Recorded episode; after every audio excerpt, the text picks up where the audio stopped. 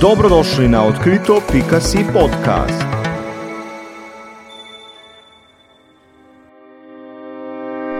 Leta nazaj, ko se je Dustin Hoffman zahvaljeval za Oscarja, ki ga je dobil za vlogo v filmu Rain Man, se je v njem javno zahvalil Kimu Piku, možu, ki je bil navdih za njegovo vlogo avtističnega savanta Raymonda.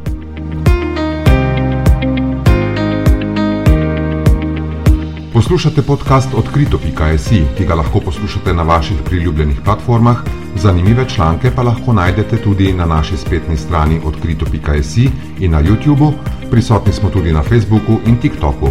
Naše zgodbe pa lahko prebirate tudi v revijah Nova in Uklop Stop.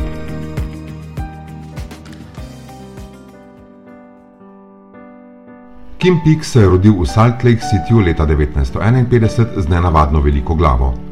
Že od zgodnih let je imel težave v razvoju. Do četrtega leta ni shodil, pa še takrat z nenavadnim šepanjem. Nikoli si ni znal sam zapeti gumbov in nasploh je imel težave z motoriko. V osnovni šoli je zdržal le en dan, potem pa so ga izključili, ker je vznemirjal razred. Na merjenju inteligenčnega kvocienta so mu namerili 87, globoko pod povprečjem. Hkrati pa so ugotovili, da ima Kim izjemno nenavadne sposobnosti, s katerimi daleč prekaša običajne ljudi, da je savant, kot takim osebam pravijo psihologi.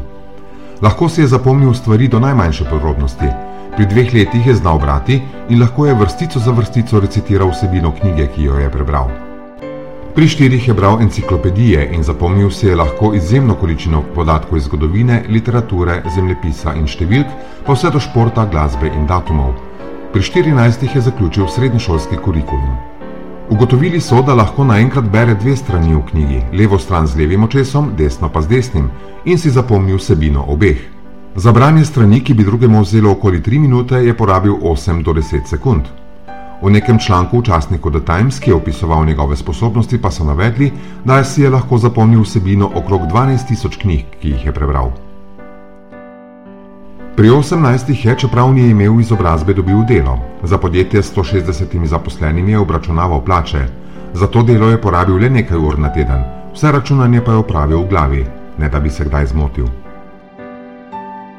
Kim je oboževal velikega britanskega pesnika Williama Shakespearja in njegovo hitrostno branje mu je omogočilo, da je prebral vsa njegova dela. Rad je hodil tudi v gledališče, gledal njegove igre, ampak bil je problem. Niso si vsi igralci dobro zapomnili precej težkega besedila. In če je umetnik zastal ali samo malo po svoje povedal besedilo, je Kim sredi igre vstal in ga začel popravljati. Kim je sicer živel mirno življenje s svojo družino vse do leta 1984, ko je zanj slišal scenarist Barry Morrow in se srečal z njim. Po tem srečanju je nastal film Rain Man, Od takrat, ko je film prišel v kinematografe, posebej pa po Hoffmanovem zahvalnem govoru za Oscarja, pa se je za Kima začela slava.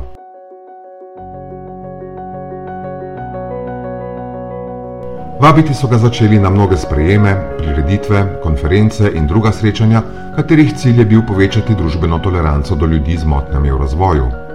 Na teh srečanjih je Kim ponavadi demonstriral kakšno od svojih sposobnosti, recimo izračunavanje, na kateri dan v tednu so se rodili prisotni, izračunavanje datumov v preteklosti ali prihodnosti, recitiranje vsebine, ki so mu jo dali za prebrati, in mnogo drugih čudovitih stvari, o katerih običajni ljudje lahko samo sanjamo. Na srečanjih ga je vedno spremljal oče, ki je skrbel za tiste opravke, ki jih Kim sam ni mogel narediti. Barry Morrow je Kimu tudi podaril svoj kipec Oskarja, da ga je na teh srečanjih imel s seboj in ga je od takrat poimenoval najbolj ljubljeni Oskarjev kipec, kajti dotaknilo se ga je več ljudi kot katerega koli drugega kipca. Kim je užival v srečevanju s tujci in ukazanju svojih sposobnosti, večkrat pa je nastopil tudi na televiziji. V filmu Rain Man je scena, v kateri Raymonda, ki ga igra Dustin Hoffman, v kazinoju zlorabi njegov brat. Tega igra Tom Cruise in sicer tako, da pri igri Blackjack izkoristi njegovo sposobnost hitrega štetja kart in tako dobi veliko denarja. Kim je prebral knjigo o tem, kako se to počne, in njegove sposobnosti so mu to tudi omogočale. Vendar je znal ločiti dobro od slabega. Ko ga je Barry Morrow želel preizkusiti v pravem kazinoju, je Kim to zavrnil, ker bi to bilo neetično.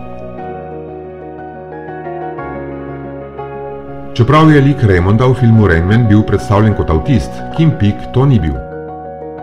Leta 2004 so ga pregledali znanstveniki iz Nasenega centra za bioinformatiko in naredili in skenirali njegove možgane, da bi lahko dobili podatke o njihovi strukturi. Ugotovili so med drugim, da se pri njem ni razvil korpus kalozum, del možganov, ki povezuje obe možganski polovici. Leta 2008 pa je bilo v študiji ugotovljeno, da je Kim najverjetneje imel redko genetsko bolezen, imenovano FG sindrom, napako na kromosomu X, ki povzroča fizične anomalije, kot sta hipotonija, šibek mišični tonus in makrocefalijo, nenormalno veliko glavo. Kim Pik je umrl 19. decembra 2009 za posledicami srčnega infarkta.